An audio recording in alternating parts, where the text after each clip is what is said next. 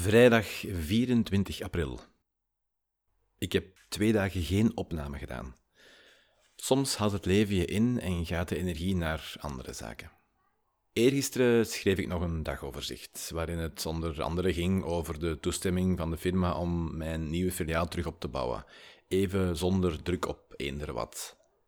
En dat nu het administratieve zo goed als achter de rug lag. Wat meer ademruimte geeft om met de winkel en de collega's bezig te zijn. Maar toen haalde het leven mij in.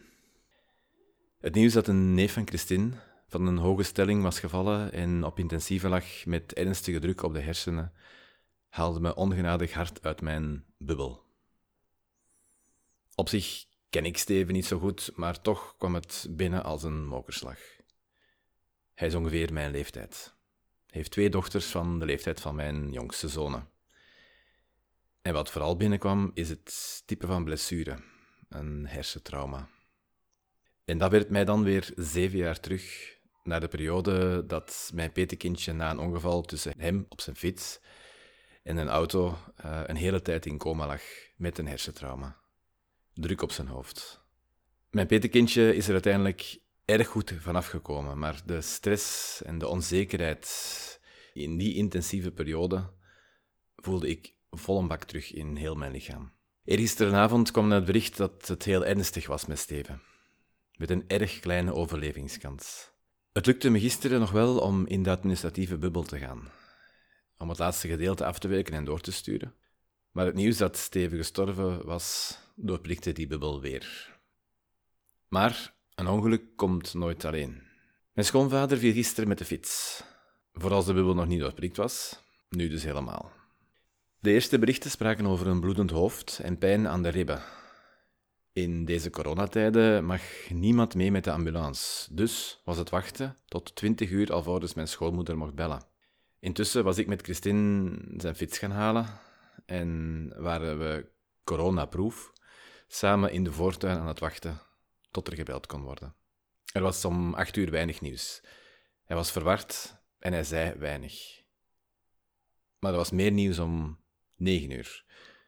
Minder verward, maar wel twee gebroken ribben, één gekneusde rib en een stevige buil op zijn hoofd, die nog niet genaaid kon, kon worden. Hij moest een nacht in observatie blijven. Ik heb mijn schoonmoeder naar het ziekenhuis gereden, ook weer coronaproof, ik van voor, zij van achter, waar ze hem op intensieve gelukkig nog een dik half uur heeft mogen bezoeken. Vandaag dan. Weer een korte en onrustige nacht. Ik heb afgesproken met mijn commerciële coach dat ik vandaag op start de planning maakte voor morgen en dan naar huis zou gaan.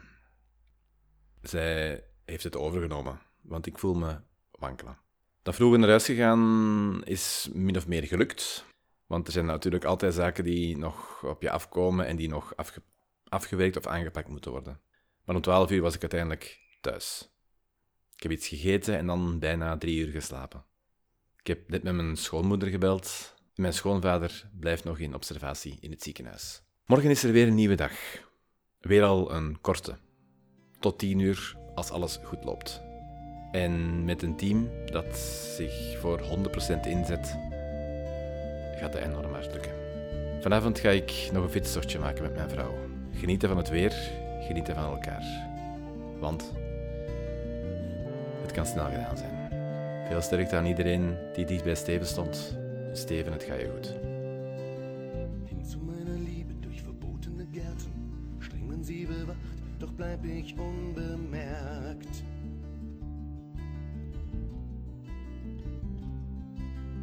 Hin zu ihr durch Tür und Tor, das Schloss versperrt der Riegel vor, doch schreite ich weiter vorwärts unverwehrt.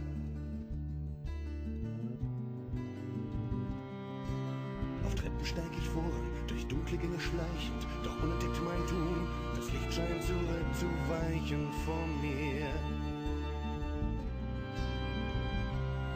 Ich find sie schlafend in der Kammer, sie ist das Kind, die Holde mein, sie scheint zu gekitzelt hat. Ich schleich mich in den Traum hinein. Ich muss jetzt gehen, nur die Erinnerung bleibt hier. Ich verspreche dir die Ewigkeit auf der anderen Seite tief in mir. Ich muss gehen, nur die Erinnerung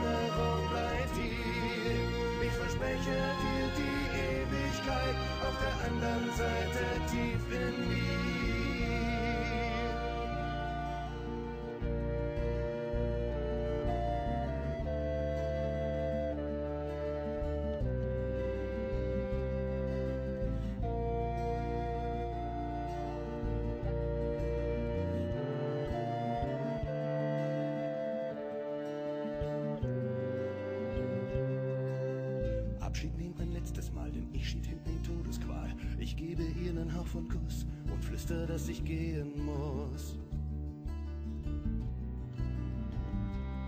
Sie wird es wissen, morgen, wenn sie dann erwacht, dass ich nicht mehr wiederkehr, dass ich gestorben diese Nacht.